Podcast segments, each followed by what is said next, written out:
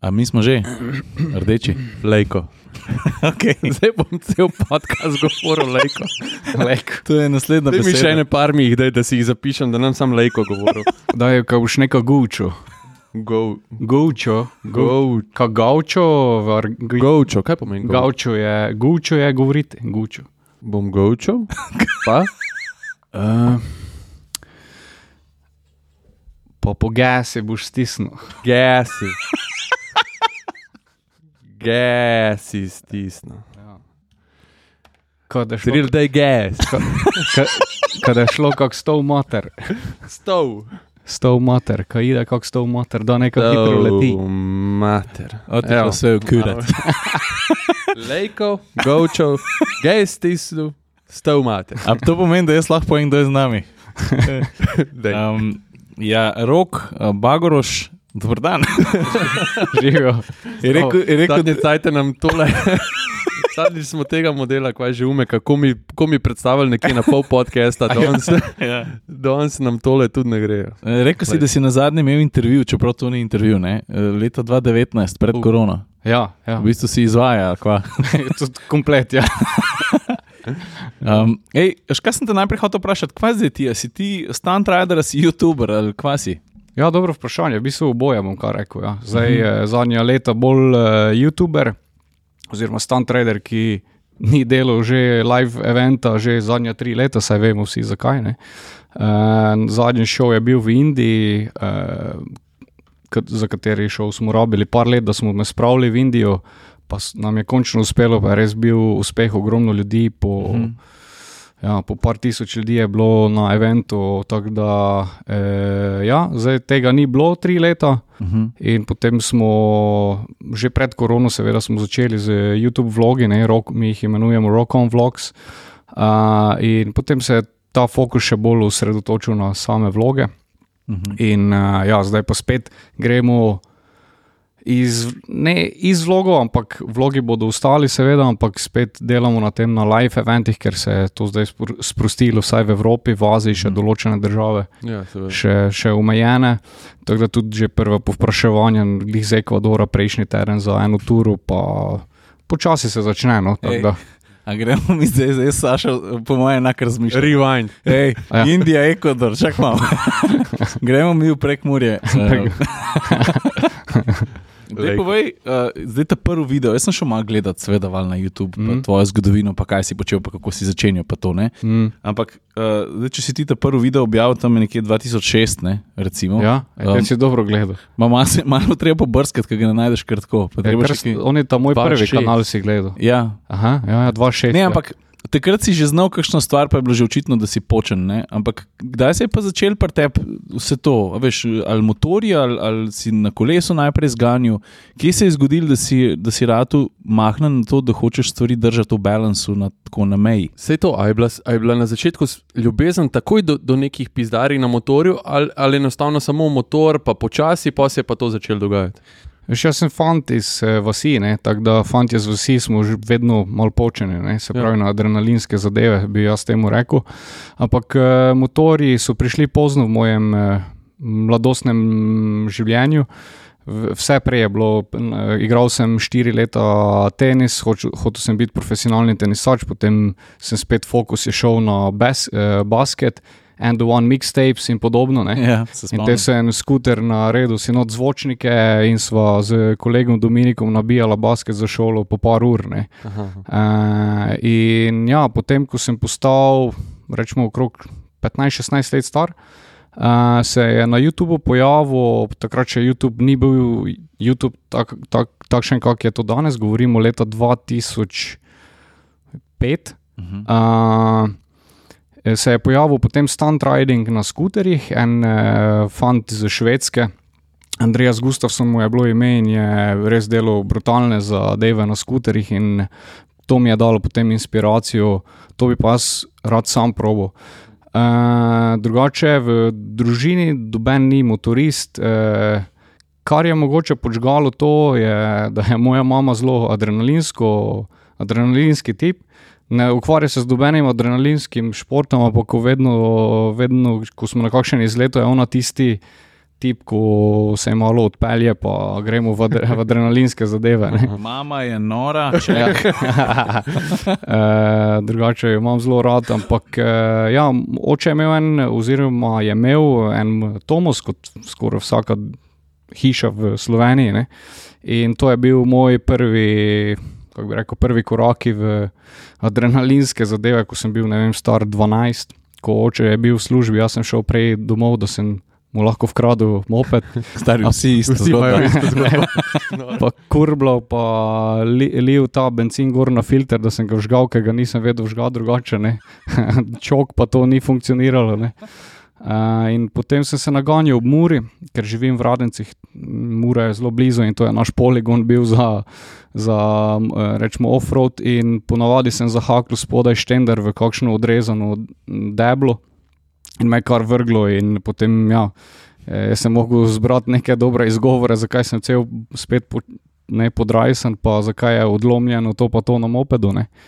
In no, to so bili moji prvi kaskaderski podvigi, rečemo okrog 12 let, ampak eh, potem mm, je to zamrlo, ta želja po motošportu, kot sem prej rekel, drugi športi.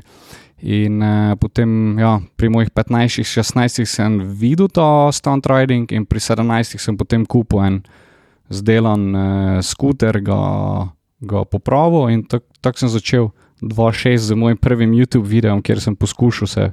15.10.26. A res? Po zadnjem si se vozil, neki si črte si rekel. Ampak, ne, ampak. eh, Tako da To moramo linkati. Pa, Ja, pa to Park bomo muzika obvezna. Ja, ja, ne, ne, ne, to- Ja. blinke si dal spod. A blinke, oprosti, ja, ja, blinke. Ampak si bil že v štartu resen, zato ker to je prvi video, si imel opis videa, imel si, kdo je glasbeni izvajalec, zato da ti niso, da ti niso skinuli vse skupaj. Vse je bilo tako proper. Videl se je, da nisi dal gor kar nekaj, ampak da si se potrudil. Ja, z movie makerjem. Ja. Pa, to so bili fotoaparati, veš, ko so imeli, kaj je bilo komaj se začelo, da si lahko snemal s fotoaparatom. Mhm. Tako da sem te, ja, samo na ta način naredili. ne. E, a pa glede na to, da je mama adrenalinka, a te je podpirala, ali je takoj v bistvu uh, si naletel na odpor pri teh eh, svojih pač idejah, da bi, da bi šel v, v to? V bistvu se moram staršem zahvaliti, ker so me podpirali na vseh mojih odločitvah, ali bo to službeno, ali bo to športno, ali kakorkoli. Nisem nikoli bala, kaj, da se mi lahko kaj zgodi. To vedno pove, ko imamo koga doma na, pri njih na obisku, ko delajo intervjuje in vedno znova pove, da eh, je bilo. Eh, kaj je bilo v zadovoljstvu, kaj je videla, da sem se za nekaj odločil v življenju. Ne? Ko imamo otroke, si samo želimo, da se čim prej najdejo v življenju, da vejo, kaj bi radi v svojem Mm. mm. življenju. To je v bistvu cilj, da, da si lahko uspešen v, v tem, kaj bi rad počel. In pravi vedno, da ko je to videla, da res to delam s srcem, mi ni hotela biti na, na, na, Na potu. na potu. Ja, ja. Ampak V bistvu- ba je, ba je bila ta pot tako, zdaj, zdaj tako malo opisuješ, dosti romantično, ampak jaz vem, da si ti pomival posodo, da si razvažil časopis, da si prišel do, do tega, kar, kar si si želel. Da malo razložiš to zgodbo. Joj, eh, eh, žena mi je rekla, da, da ne bom govoril slučajno, kje je zgodbe o puljenju repe, ker sem na zadnje sem se na RTV Sloveniji Ampak vaj. ja, no, eh, v preteklosti sem govoril, ker sem prišel z revne družine, kar ni tako točno res. Je v bistvu normalna slovenska družina, oče je delo čisto normalno službo, mama prodajalka v trgovini. Tako da imel sem zelo lepo otroštvo, vse to. Ampak eh, smo pa družina, ki smo pač vajeni res trdega dela. Ne, imeli, mama je pa oče sta še imela zraven službe, še vinograd veliki. To je za najdva z bratom pomenilo, imam starejšega brata, pomenilo, da smo šla po šoli takoj v Gorice in smo, ne vem, obrezovali, okupavali. Mm. Pač že od malih nog, se pravi, že od eh, včasih celo v, eh, prvih dveh razredih osnovne šole sem se še spomnil, mogoče sem že bil prej v Goricah. Ne. Uh, in uh, ja, potem smo še imeli eno malo njivo, se pravi, vse to smo delali, da smo si še prihranili nekaj uh, dodatnega denarja. E, nekoč nismo bili v Evropski uniji, pa smo hodili prek v Avstrijo še kaj prodajati. da smo, ne. Tako da vse te, te zgodbe so me utrdile in uh, pokazale, da je res pač za vsak evro se je treba boriti. Ne. In za, vsak, za vsakega sponzorja, za vsak del, se, za vsak rezervni del se je bilo treba boriti, ne, Mm. se, se še vedno ne. Zdaj je sicer malo lažje, eh, ampak eh, ja. In potem, dost videov kasneje, dost uh, nastopov kasneje se pa zgodi KTM. ja. E, v bistvu ta zgodba s KTM-om ja, je. Neko, nekdo reče, da je, da je nekdo imel srečo v življenju, jaz pravim ne, ker si sam svoje sreče kovač, ne, krojač ali kako kak bi rekli. In tudi moja pot v življenju je bila v bistvu ta, ta sreča, je rezultat vsega tega, ko sem na skuterju začel. Se zato sem izpostavil dost nastopov, kasneje pa videl. ne, Ker, če, če bi rekel samo sreča, te je srečala, da si, da si naletel na KTM-ovce, ne, Ja, ne ja. bi bilo fair. Se na KTM-ovce lahko naletiš na vsakem sejmu, če to Absolutno. gledaš. Ne? Ampak moraš nekaj imeti za pokazati. Ne? Jaz sem že se naučil v mladih letih, kako pisati prošnje. Te prošnje za sponzorje še imam zdaj shranjene, nisem jih zbrisal. Eh, ker eh, ko bom imel malo večjo pisarno, trenutno smo še v malih 60 kvadratih, ampak malo se širimo, bom si dal na steno gor te prve prošnje. In uh, ne ve- ne vem, naprimer, pisanje prvih prošenj, potem, uh, ja, seveda, učenje prvih trikov, snemanje. Se pravi, stunt rideri smo eni takšni multipraktiki za vse, moraš si rihtati sam sponzorje, sam se snemati, sam marketing, učiti se trike, rihtati si šove, popravljati eh, motorje oziroma skuterje, pač vse to v eni osebi. Um, in uh, ja, tega sem potem se naučil od leta 2006 do 2010, ko sem srečal eh, KTM, medtem je bilo že nekaj šov v Nemčiji. Eh, Tako da na skuterju sem si že ne, naredil neko ime, imel sem že nekaj za pokazati, nekaj eh, posebnih projektov eh, z skuterjem po ledu in tako naprej. In ja, potem sem leta 2010 v, na Intermotu, to je drugi največji motoristični sejem v, na, v Evropi. In tam je bil KTM, tam je bil Akrapovič, tam je bil Petr Kavčič, eh, moj prijatelj, moj prvi menedžer eh, in je bil eh, takrat zaposlen pri Akrapoviču. In uh, ja, uh, njega sem vprašal. V bistvu je zgodba taka, da sem imel s Pežojem eh, zrihtan sestanek, pridem na sejem, seveda, itak eh, zadnji centi spal v kombiju, ker nisem imel denarja za, za, za, za hotel. Tako da pridem do Peugeot, doben ni, m, doben ni vedel o ničem, kdo sem, zakaj sem tu. In eh, tu spet pride potem, ve- eh, eh, eh, kako bi rekel, eh, lastnost moje mame, ko se v najtežjih situacijah vedno znajde. Ona se res je vedno znašla v življenju. In potem, kaj bom zdaj? In uh, z Akrapovičem smo takrat glih, uh, Slavko Trstenjak mi je glih rihtel za Kawasaki R6N uh, motor. Uh, jaz sem si kupil motor, ker sem hotel presedlati na motorje. Uh, Auspuh in smo že bili v nekih pogovorih, in sem vedel, ok, Akrapovič dela za KTM, zdaj če grem sam do KTM, bo zelo mogoče težko, nisem bil samozavesten, grem jaz do mojih slovencev, pa da vidimo. No, in glavno so rekli, viš tega gospoda, kazali so na Petra, pej do njega, on bo ti zrihto sestanek. In sva šla s Petrom, me je predstavil, Peter vedno govori, evo, to je naš fant z raztrgim, z raztrganimi hlačami iz Slovenije, ne, on bi rad vo, vozil vaš ta prototip, ki ga pravkar eh, predstavljate na sejmu, in uh, the rest is history. ja. Kakšen je bil pa feeling, ko so se ti takšna vrata odprla? Oziroma, koliko na široko so, se- so se ti odprla? Najbrž niso, ker je KTM ni odprl eh, garaže, delavnice, pa rekel, tle so naše police, naši motori v enkrat češ. Veš, najbrž se začne počasi. Kako je to izgledalo? Uh, v bistvu je bilo skoraj tako, si rekel.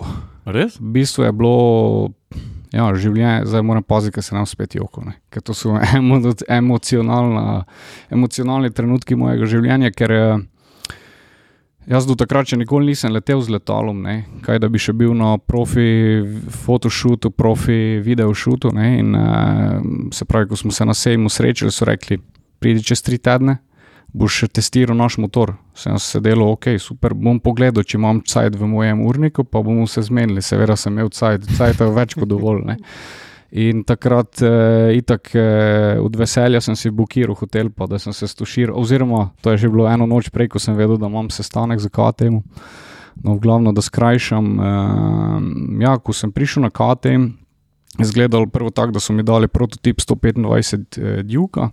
Uh, in uh, oni so zdaj mene gledali, kaj bom jaz zdaj rekel, če bo to vredno motor. V bistvu, jaz nisem vedel, če bom vozil za njih, oni niso vedeli, če bom jaz rekel, da je kul cool motor, tako da vsi smo se utipavali malo. Ne. Jaz za kurim gumo rečem, po zadnjem se nisem vedel z motorjem voziti takrat, ker še kuplunge nisem vedel vladati. E, tisti Kawasaki je bil komaj v pripravi. Ne. Seveda, ti si bil na skuterju. Jaz prej. sem bil na skuterju, skuter nima sklopke. Ne. Fake it till you make it. Fake it till you make it, as it is. Ne? In ja, zakurim gumo, malo posprednje, posprednje sem vedel, pa po zadnjem se nekaj malo tam cukam, se pravi, preden padem zdaj pred njimi, raje končam, pa povem, da je super motor, ne, on je prijen, no, roka boš povedal. eh, Motor je zakon, kdaj lahko, kdaj lahko začnemo. On je si, ja, super, glej, tu, tu podpiši, da ne že pelješ tega prototipa domov, ki boš lahko treniral, da tega damo, pa se čez dva tedna vrne, da podpišemo Stari. po, pogodbo. Ne. E, Jaz sem sicer takrat po sejmu šel v Francijo, na drugo stran Evrope, naredil vse skupaj. To je bil eh, ta uh, epic trip of my life, ker sem naredil 3-4 tisoč km sam, imel sem ti, točno 1250 evrov budžeta za cel trip, domov sem prišel z minus 50, ker je bil limit na kartici. 50 Ja, ja, ja, ja. pri Trojanah mi je že lučka gorela. Za benzin nisem vedel, če bom domov prišel. Na srečo sem bil že v Sloveniji, ker če bi avto crknil, oziroma kombi eh, ostal brez benzina, bi prišel do doma, ampak zato sem spal v kombiju, pa tako ne. Uh, Čakaj, zdaj, kje sem zdaj ostal? Ja, Na Trojanah. E, Troj, eh, Trojanah, pri Krofih. ne. Eh, ja, tako da eh, sem prišel potem, so rekli, pridi čez dva tedna na podpis pogodbe. In eh, takrat bi se vpisati na štu, na študij. Bil sem v času, v moji starosti, ko bi mo mogel začeti študirati, sem se vpisal na Gea College, sem potem klical nazaj, mene pa ne bo študirati. Ne. Uh, je v redu, gospod, če ste se odločili tako, samo če lahko vprašamo, zakaj je kaj narobe. Sem rekel, ne, bom postal tovarniški voznik. Ne. In to je kot cine, po koncu To meni gre, sicer, gre na jog zdaj. To sem sicer rekel, ampak nisem vedel, kaj pomeni. Pride dva tedna kasneje, pridemo jaz pa Dominik, moj, moj kolega, greva gor. Bila je zima, bi bila je nevihta, snežna nevihta, pač eh, že borba pride tja, ker KTM, se- sedež KTM je sredniče, se je ko na goričkem rečemo. ne. Uh, in uh, prideva tja, se sedeva za mizo, oni pogodba, rok to je to, eh, dobiš eh, motor, tega smo ti že dali. Ko, boš, ko bodo serija pripravljena, dobiš friškega, to je zdaj prototip za 2-3 mesece, ker boš imel, uh, si fraj, verjetno de, uh, januarja ali februarja, pravim ja, seveda. Uh, ja, ker gremo v Barcelono, uh, tam bomo delali photoshoot, official photoshoot, uh, 20 ljudi, video shoot. Uh, dobro, uh, kdaj pa lahko dobim motor, ko grem s kombijem, ne, da pravočasno pridem. Ne. Rok mi na KTM-u se ne vozim, mi letimo z letali. in se pogledava z Dominikom in ok, v redu. Uh, in no, ko si me vprašal, ne, kako so se vrata odprla, v bistvu se je moje življenje takrat komplet spremenilo. Vrata so se odprla tako, ne, se pravi, šel sem na prve fotošute, videošute. Šel sem v KTM v trgovino in so mi dali dve veliki vreči, pa so rekli, tu, to je, oni KTM ima vse od spodnjih hlač do majic, do jaken, motoristične opreme, gledano, eh, Paradise za, za bikerja. Ne. Je rekel, tu si zame, kaj si hočeš, jaz prijem nazaj z enim t-shirtom, ker smo pač prek Murci skromni, ne, pa z, mislim, da sem si še en hudi zel. Rekel, ne, ne, zdaj pa se vrni, pa prosim to napolne. Ne. Ker predstavljaš nas, ne? Ja, Seveda. ja. In sem prvič veš na polno vreče in nisem mogel verjeti. Te so rekli tako, zdaj pa isto z rezervnimi deli in deli, ki jih rabiš za motor, to moraš isto tako poslati. Tako da je bilo, eh, jaz sem rezervne dele kupoval, ne nove, ampak rabljene, ker nikoli nisem imel denarja, pa vedno sem jaz skuter pokvaril dan pred šovom ali pred tekmovanjem, zato sem bil vedno najslabši v tekmovanjih, ker se je vedno nekaj pokvarilo. Ne. In eh, takrat, ko, preden sem, ko se vrnem samo hitro nazaj, ko sem KTM spoznal na tistem sejmu, sem jaz že imel zelo dober factory support za skuterje, ker sem bil vse nove dele in takrat sem te prvi v življenju končno zmagal za skuterje, zato ker je vse bilo, kako bi rekel, se poklopilo, vse znanje, ki mora biti skuter izpraven. uh, mora v nulu delati. In takrat, ko je ni bilo teh težav, sem potem uh, zmagal tekmovanje v Franciji, pa potem podpisal pogodbo z KTM-om. Um, no, in glavno vreče se na polno, glavno vse smo bili srečni, super, ok, zdaj sem pa te factory voznik. Ne? In kaj to pomeni, factory voznik? Življenje se ti obrne iz, um, iz enega amatera, potem na full profi, dobiš motorje, support. Eh, hodil sem večkrat gor v razvoj, povedal, kje se je kaj okvir zlomil, ker sem jim pomagal razvijati z tem, eh, izboljševati njihov okvir za, za te male djuke. In začeli so se prvi šov, in moj prvi šov je bil potem ogromno šov po Evropi, ker so bili launči tega motorja, potem 2011, se pravi, par mesecev kasneje. In potem prvi šov v Aziji, v Maleziji, kjer me je bolel želodec sedem dni v eno, ker sem bil vajen samo uh, bujte repe, pa uh, pečenke. Ne? Tam pa malo drugače začinijo in se samo riš jedo. Pa vem, da sem ležal skrit pod uh, mizo v zakulisju, ker so me iskali za šov in me niso mogli najti. Jaz pa komaj, komaj se pri, pri življenju držal, ker me je šraufalo. Oh, Tako da, ja, življenje se je spremenilo, in uh, od leta 2012 pa vse do zdaj se je še ogromno, ogromno vsega zgodilo. Kako si pa v tistem trenutku zgubil fokusa za videe, pa za uh, fotkanje, pa za vse? Kako te je v bistvu preusmerili v te live nastope? A veš, kaj hočem reči? Ali si izgubil tisti prvotni žmoht, ki si ga imel v bistvu, ali si dubil samo še neko uh, dodatno, pač nek dodaten razlog, da, da, da delaš sam še boljš? Definitivno. Uh, mislim, uh, ni bilo, da bi izgubil, ampak sem dobil boost, se pravi. Uh, Tudi za video, tudi za svoj ja, YouTube. Ja. E, takrat za YouTube še ni bilo popularnih vlogov, Casey Neistat še ni obstajal. Hmm. E, in smo delali, takrat so bili popularni ena ali dva velika projekt videa, si delal kot freestyler ali si motokrosist, downhiller ali kakorkoli. In to smo seveda delali, bi si sem delal še več, ker že za skuterji sem delal full filmov. Hmm. To mi je bilo vedno jasno, da kot stunt rider nimaš za sabo FIMA ne, se pravi, kjer je MotoGP, motocross in tako naprej. E, nimaš za sabo AMZS-ja slovenskega, pač to si na, sam, na, sam na svojem, si sam se moraš znajti in potem, če hočeš dobiti sponzorje in tako naprej, moraš nek marketing delati, nekaj moraš ponuditi, ne, zraven live show. Ampak ja. kot tak si bil zanimiv uh, KTM-u ravno zato, ker si ponujal eno tako, eno tako nišo, se mi zdi. Veš, si rekel, da si mogel povedati, kje, kje je okvir počene. Ti si predstavljal za njih čist neko novo, novo linijo stresnih testov na terenu. Ne? V bistvu in razvojnik, in one man band, mislim, da je produkcija pa vsega. Ja. V bistvu razlog, zakaj eh, takrat. Potem sem sprašil, leto dni potem Simone, je takrat še bila ena gospa Simone, šefica marketinga, se pravi, zakaj je prav jasno. Rekla je, rok, ti si edini, ki je prišel do nas. Uh, takrat smo rabili novi obraz, oni so imeli stan voznika že deset let, kateri je malo zastarel z triki in, uh, in, in ta Duke je bil v bistvu prvi uh, naked bike, sploh na trgu, sploh Yamaha, Honda in podobni niso imeli naked bikov, ne? vsi so imeli te super športne cvajtakterje. KTM je bil prvi uh, in so rabili nov frišni obraz, ki bo predstavljal ta motor in jaz sem bil na pravem mestu v pravem času. In potem to je bil en razlog, drugi pa je rekla, ti si bil edini, ki je prišel z, z, z videi, z slikami, z šovi, pač z whole package, z kompletnim paketom. Mm. In uh, to ni tako enostavno najti. Ne. Zdaj, ko imam svoje podjetje, pa iščemo ambasadorje za naše produkte, vidim, da je to dejansko zelo težko najti takšen, takšen paket, uh, rečemo, športnika, influencerja. Ja. Ja, se, to jaz isto vidim težavo pri reliju. Uh. -huh. Jaz mogoče malo bolj spremljam avtomobile, relije. Veš, zelo malo je voznikov, ki imajo to, kar ti praviš, whole package. Mm. Ogromno je hitrih. Mm.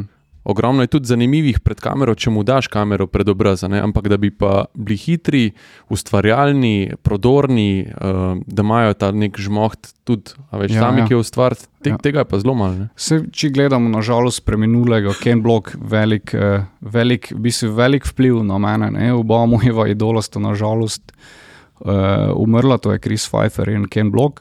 Uh, ampak Ken Block je bil ta whole package, ne, je v bistvu dokazal vsem tem uh, uh, top reli voznikom, da ni pomembno biti samo najhitrejši, ampak da, se, da dobi ta šport na popularnosti, moraš tudi kaj več od sebe dati. ne. Ambasadorstvo, ne? Ambasadorstvo je tako. Ja. In v bistvu zdaj, zadnja leta, to tudi te organizacije opažajo. Ne. Tudi vabijo razno razne influencerje na njihove evente, pa probajo, ne vem, e, Formula I, naprimer električna formula je full vabla te.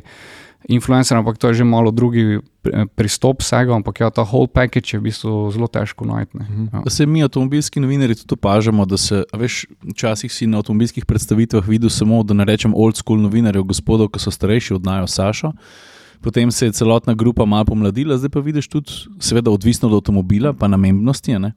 Vidiš tudi influencerje ali pa vidiš ustvarjalce vsebin, za katere vidiš, da niso neki klasični avtomobilski novinari. Se to je fajn, se na takšen način lahko širiš eh, svoj glas med publiko, ki jo prej nikoli ne bi dosegel ali pa nisi. Se ne rečem, da v njih ne rabiš več, ne? ampak Seveda, da ne, rabiš, ja. rabiš širši razpon podajanja informacij. Uh Mhm. -huh. Še eni želijo malo bolj sterilen način, uh -huh. uh, čez tehnične podatke, čez stroge opise. Ne? Uh -huh. Po drugi strani smo mi mogoče bolj primerni za, za tak malo bolj plastičen način Ja. uh, tega prikaza pa podajanja informacij. spomniš kupre? Ja, veš, Kupra je bil lep primer. ne. Ja. Mislim, tako, takrat je bil odziv, vsaj v naših krogih, neverjeten, zaradi tega, ker smo res ogromno dostavili. Ne. Hm. Uh, pa ne samo o avtu, pač o, o, o brendu samem, o ideologiji brenda. O, Je lažje komuniciraš Ja. vibe. Ne? A Veš, ti, če sam še ostanemo malo pri avtomobilski industriji, pri avtomobilskih predstavitvah, nekateri novinari ali pa, pa vse tako, nič ni narobe s tem, tak je bil nekdaj način dela. Si ti šel na predstavitev avtomobila, ki se je zgodila v krasnem okolju, pa je bila celotna zgodba sestavljena, ti si pa potem v članek napisal vse o avtomobilu, tista zgodba, ki bi ti pa lahko uplemenitila to prvo vožnjo, si jo pa ali zignoriral, ali pa si jo uporabil samo en ščepec, ne? razen če ni bilo res ne vem kaj. Ne? Ti pa kot influencer ali pa kot ustvarjalec vsebine za Instagram ali pa tako, pa hočeš pokazati še mo- mogoče malo za kulisje, pa hočeš avto upet v nekaj. Ne? Ti pa kot rider tudi na drugačen način mogoče pokažeš sploh en izdelek, za katerega je folk vajen ga gledati ali na dirkališču ali pa v Vinku, ne pa na enem biciklu, pa bog ve kako še ne. Pa prej, ko sem me vprašal, ko so bili še mikrofoni ugasnjeni, ne, če še kaj fotkam, ne, če sem prijel uh, fotoaparat v roke, sem, sem ti rekel ne, li zaradi tega, ker sem se uh, ujel, da sem v nekem kalupu, ne, a veš, v neki šabloni. Tle imaš avto, tle imaš fotoaparat, tle imaš to steno, nared z te strani fotko, z te strani fotko, eno notranjo, mm. en menjalnik. Mm, mm. A veš, tole mi pa daje totalno svobodo, pa moja platforma, moj, moj medij, a ne, Mm, mm, na nek način. S tem, lahko, mislim, s tem načinom daš tudi svojo dušo. Uh Mhm. -huh. e, zdaj, ko pravite novinari klasični, ja, je super, za če kupuješ naprimer avtomotor, da v kratkem času bi rad videl samo specifikacije, ne, pa kaj on me- meni. Ti kot ustvarjalec sebine, pa v bistvu dodaš še svojo dušo. Ja. eh, avtentičnost, ljudje se povežejo z svojim eh, normalnim življenjem, Ko- tako bi tudi oni, zdaj novinar gre vem, na Tenerife, pa tam naredi v perfektni, ne, tega, te perfektne ceste nimaš v Sloveniji. Ne. Ja. Uh, no, zdaj, vsaj prek Murja ni, uh, ne vem, kako je pri vas, ne? pri nas so ceste malo zdelane. Ne? Ampak uh, ja, ta avtentičnost, eh, tudi pri meni je enako. Ne? Nekateri vlogi so, la, uh, lansko leto sem bil zelo jezen, uh, ker sem naredil. Pet dni smo snemali, Grozglokner, Slovakija, in spet nazaj na Grozglokner, in smo naredili. Na koncu je prišel en klasičen reklamni review za, za, za motor, in to nisem jaz. Sem rekel, Mhm. kaj temu, jaz več tega ne bom delal. E, jaz moram nazaj na moj rokon stilit, ker je na mesto 600 tisoč ogledov je bilo 60, jaz 60 tisoč ogledov. ne. Zato, Mhm. ker ni bilo te avtentičnosti in si prodajal produkt, nisi delal, nisi, kako bi rekel, živel z tem motorjem realno. Ne? Ker vseeno pri ustvarja, ustvarjanju vsebine je v bistvu avtentičnost nekaj najbolj pomembnega. Ne? E, sam, samo tako dobiš ta core base followerjev. Uh, Ki verjamejo v to, kaj govoriš. Ne? Pa tudi, ok, vse smo plačani za vsebino, kdo ni ti ta lažene. Uh, ampak uh, je potem zelo tanka meja, ko, ko predstavljaš produkt. Ne? Ali ga čutiš, pa dejansko podaš svoje mnenje, tako kot je, ali pa delaš po navodilih, kaj ti dajo eh, ti, eh, ko, si, ko so naročili to vsebino. Ne? Mhm. Ja, Ja. najtežje je tako narediti, da je za oboje fajn. To se pravi, si ti avtentičen, da si odbit. Sam je pa res, da v tem primeru takšne izkušnje, se po mojem, jaz pa Saša podobno mnenje, ne, da, da kad ti to delaš, uh, čaj, zdaj sem se pa zgubil. A ja, da, da ti uspešno lahko skozi sebe podaš vsebino, pa da so oni zadovoljni do konca. A veš, ker vedno so neke želje, da povej to, pa to, pa to. Ampak v trenutku, ko ti hočeš mogoče malo več sebe, da pa včasih pride, pol, veš, se kar ustrašijo, kakšni sponzorji. Veš, da ne bo. Včasih moš kar reči ne. Vi ste mene z razlogom, zdaj mi del, vi delate z mano, zato hočete moj vibe, ne mi usiljevati vašega. Mm. A veš, samo včasih je bolj težko to mejo določiti. Ja. Včasih je bolj uspešno, včasih pa manj. Ja, ker mogoče tvoj način, kako si predstavil produkt, se ne sovpada z njihovim načinom komunikacije, ampak tako ti praviš, zato ste me najeli, da greste izven svojih okvirjev, ampak nekje na sredini se to mora ujeti am- in to je glih trikine. No, ampak tudi taki, taki, taka osebina pa vsem tudi mora biti, ker imaš pa ljudi, ki pa hočejo imeti samo data, pa facts. Ne. Res je. Samo ono tehnično predstav mi avto, ne zanima me zdaj ti, pa kva si se še reže vmes, pa nek humor. To so starejša publika. Mogoče sem zato, ker nekdo kupuje avto. Dej povej mi, koliko je prtlažnika, povej mi tega. Ja, ja. Mene ne zanima, kakšna bo poraba, koliko je učinkovita, se ga da parkirati, tehnologija piči, Mm. miki. Ne? Se zato ni, ni lepšega, kot najdete pol eno ta pravo simbiozo z nekim naročnikom, sponzorjem in, in se to pol tudi pozna pri sami osebini, pa tudi. Mislim, na drugi strani uporabniki oziroma gledalci, uh, followerji s- l- vidijo to, to neko pristnost ne? Mm. in na koncu je win-win situacija. No? Res je. Ej, mi, prej si omenil to subkulturo uh, stuntmensko. Aj, se ti zdi, da je še zmeraj v sponu ali pada? Kaj se dogaja zdaj trenutno? Stagnira že zadnjih, hm, zadnjih sedem let, čeprav zdaj mogo malo grajati, zdaj smo tu. Malo šimfali, če smo slovenci. Ne? ne, eh, kaj hočem reči, je to, ja, stan, pravi stunt riding stagnira. Eh, triki se sicer razvijajo, ti, ko smo ostali v, tem, v tej igri, eh, šli, je šel level, jaz ne morem narediti 40% teh trikov več, ker to je res brutalno. Ne so prišli mlajši vozniki, eh, odštekani, hit, povečala se je hitrost trikov, zdaj je dejansko tako, če padeš, si sigurno nekaj zlomiš v preteklosti. Smo bili bolj počasni, tehnični triki, zelo težko Mhm. za izvedljivo, ampak če tam padeš, si bo bolelo, ampak se ne boš nič zlomil, zdaj so pa postali triki brutalno hitri. Um, Kaj sem pa hotel povedati, je pa mogoče nekateri potem povezujejo, je zelo popularno v zadnjih petih, šestih letih. Je, eh, ne, bom rekel, ne bom rekel, stunt riding je v bistvu vožnja po zadnjem kolesu eh, po, po eh, cestah. Mhm. Se pravi, to vidite na supermoto motorjih, na Harleyjih v Ameriki in se vrača šport pe- 25-30 let nazaj, ko je, ko je se ta šport rodil in rodil se je na cestah, ne, v Braziliji, v, v Španiji, pa v Ameriki ne, se je rodil. Uh, stunt riding izhaja iz Brazilije, eh, veliko jih misli, da za Ne Ameriko. bi ampak- rekel nikoli. ampak z Brazilije. Ja. Uh, se vemo, Brazilci so malo odštekani, ne. uh, Američani pa vse naredijo tako, da tak, če so vse oni odkrili. Ne. Ampak ne, v resnici je Brazilci. Jaz, jaz, če pomislim na Brazilce, pomislim samo na une videe, ki veš, ki ropajo koga na motorju, a veš, Ja. ki se prepeljejo, A ja, začnejo streljati. Jaz Tam so na- zelo spretni. jaz bolj na sambu. Ja, jaz sem tudi. Ne, Brazilci v povezavi z motorji. Aha, to ja, hočem ja, reči, ne ja, tako ja. nasploh na Brazilce. Ja, ja. E, tako da, ja, tak da bom pograjal malo te, te zadeve, ker to, to ne spada. Ja.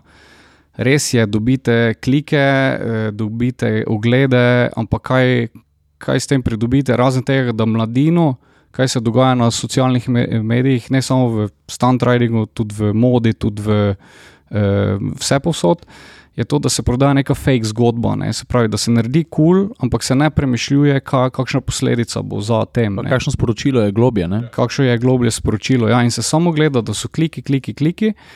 In, uh, in ja, potem imamo supermotoridere, ki se vozijo po, po cestah. Prvo, prvo je nekaj najlažjega, vsi, ki gledate, pa ste supermoto vozniki, pa se vozite po cesti po zadnjem in to snemate. To je nekaj najlažjega za narediti. To ni stunt riding, to je pussy wheelie riding. Ne? Mm. In tega se ne dela, če že to delate, dajte potem na nekih parkingih, imamo zadosti nekih zapuščenih industrijskih con. Ne.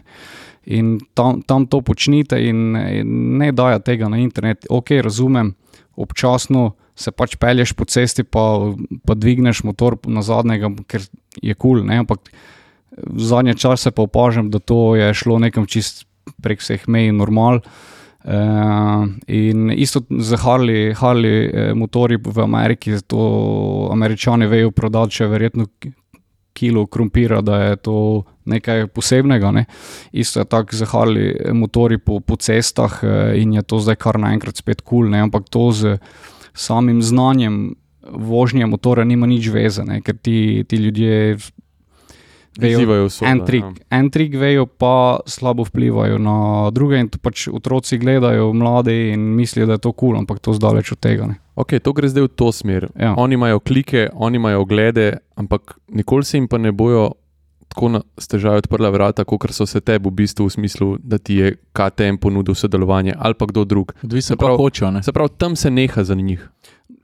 Na srečo, ja. E, naprimer, potem se pogovarjam z različnimi velikimi brendi v motu branži ne, in glih na to temo, kako rok, koga naj sponzoriramo. Ne. In, ne vidiš nobenega klin. Zelo težko. Ne, na srečo so te moji kolegi, stuntrideri, ki poskušajo biti profi, so na tem levelu ostali, se pravi, eh, profesionalne vide, parkingi, mesta za to, kjer se trenira, kontent, ki ga delajo, je ponavadi na na, na, na parkingih in temu primernih prostorih in pravijo, ja, ne moremo tega sponzorirati, če se samo po zadnje vozi in to za naš brand, po zadnje vozi po, eh, po eh, no, Public Street. Eh, Ja, po cesti, po javni ja, ulici. Pridem v Ljubljano, pa na pol govorim angliško. se lahko svoje povem. po prekmorski. Ja. Po cesti se vozijo. E, po zadnjem. In uh, kako naj tega sponzoriramo, če ni, do, ne, ni to za nas tako? Ja. Ej, a ti imaš svoj, a, mislim, a ima vsak od vas svoj slog? Ja, ja. ja. vsak ima, imamo v Stuntridingu, imamo eh, eh, eh Stuntrider z stilom. Uh mhm. -huh. Imamo copy ninja, se pravi, ki vidijo trik in da točno tako skopira in točno tako naredi. Uh, potem imamo kakšne unik, Uh, in uh, Mozart v Stunt Ridingu, ki jih doben ne pozna, ampak so mi v kor in delajo pač vedno znova nove trike, prenesejo te so res brutalno za gledati. Ja. Ja. Tako odgovor mi je všeč. Veš, jaz sem mislil, da ja, imam pač svoj stil. Ja. Kaj pa za te značilno? A veš, če enemu, ki pozna to sceno, rečeš, uh, poveš tvoje ime. Mhm. Kaj bo, na kaj bo najprej pomislil? Ha. Dobro vprašanje. A bo rekel najprej KTM, ali bo rekel, da on pa odpul to. to. Jaz bi rekel, da je to vprašanje za gledalce. Naj drop the comments below. E. Če bi mene videli, ne. ja, ne vem ti povedati. No, jaz bi bil na salto rekel, pa to sam jaz ne gledam, da sem okrog. Jaz pa na unga lupčka. To... Ja. ja. To je zdaj pa. Ajde, dobro.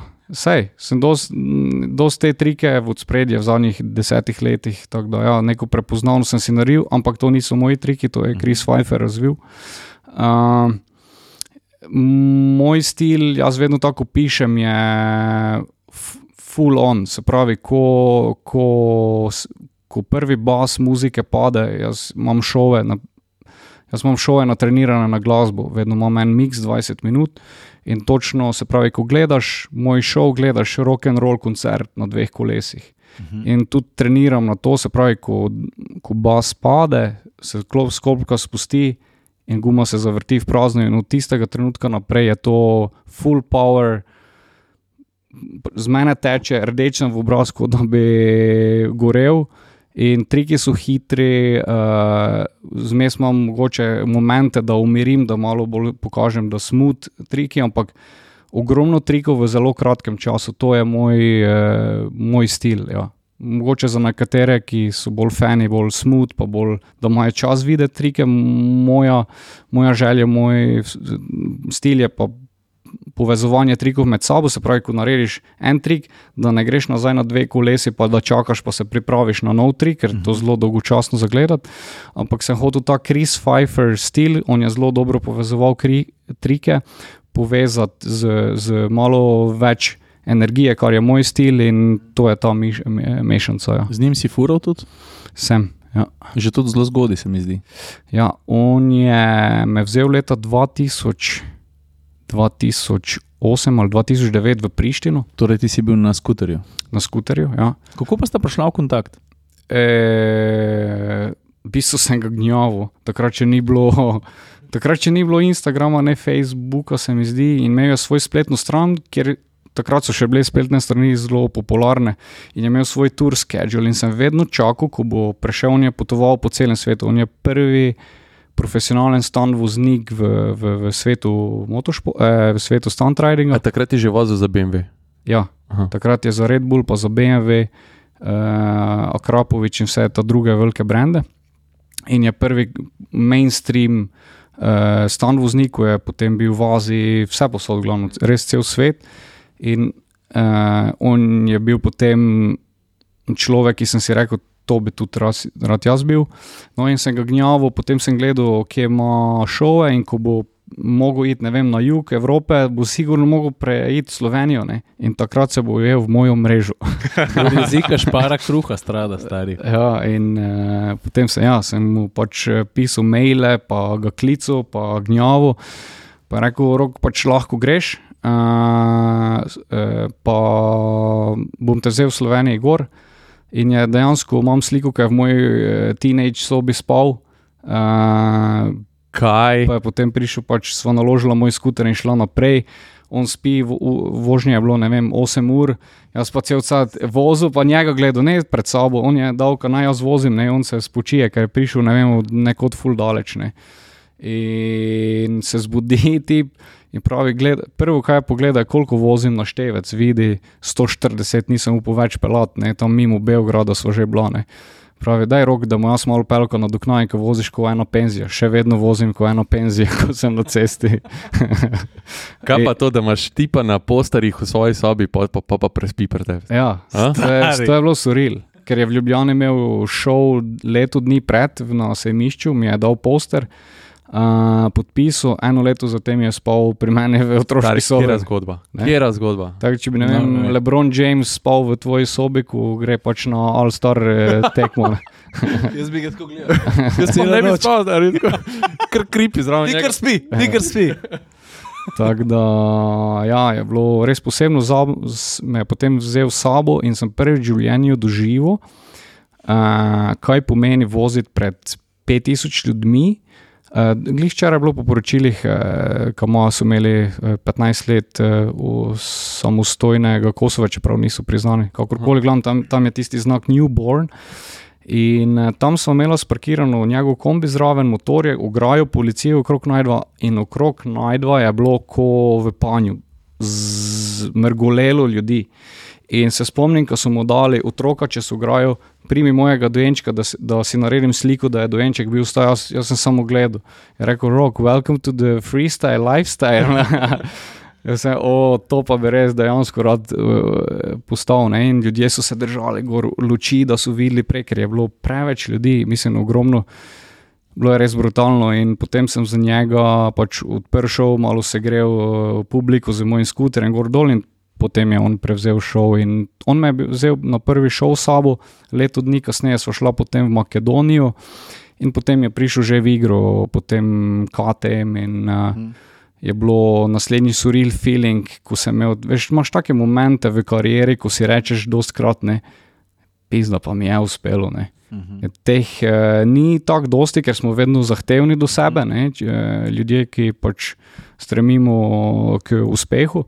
Ampak, ko pa je, pa se prav, prav moraš pocukati za rokav. In naslednji takšen feeling je bil na največjem motosejmu na Ekmi.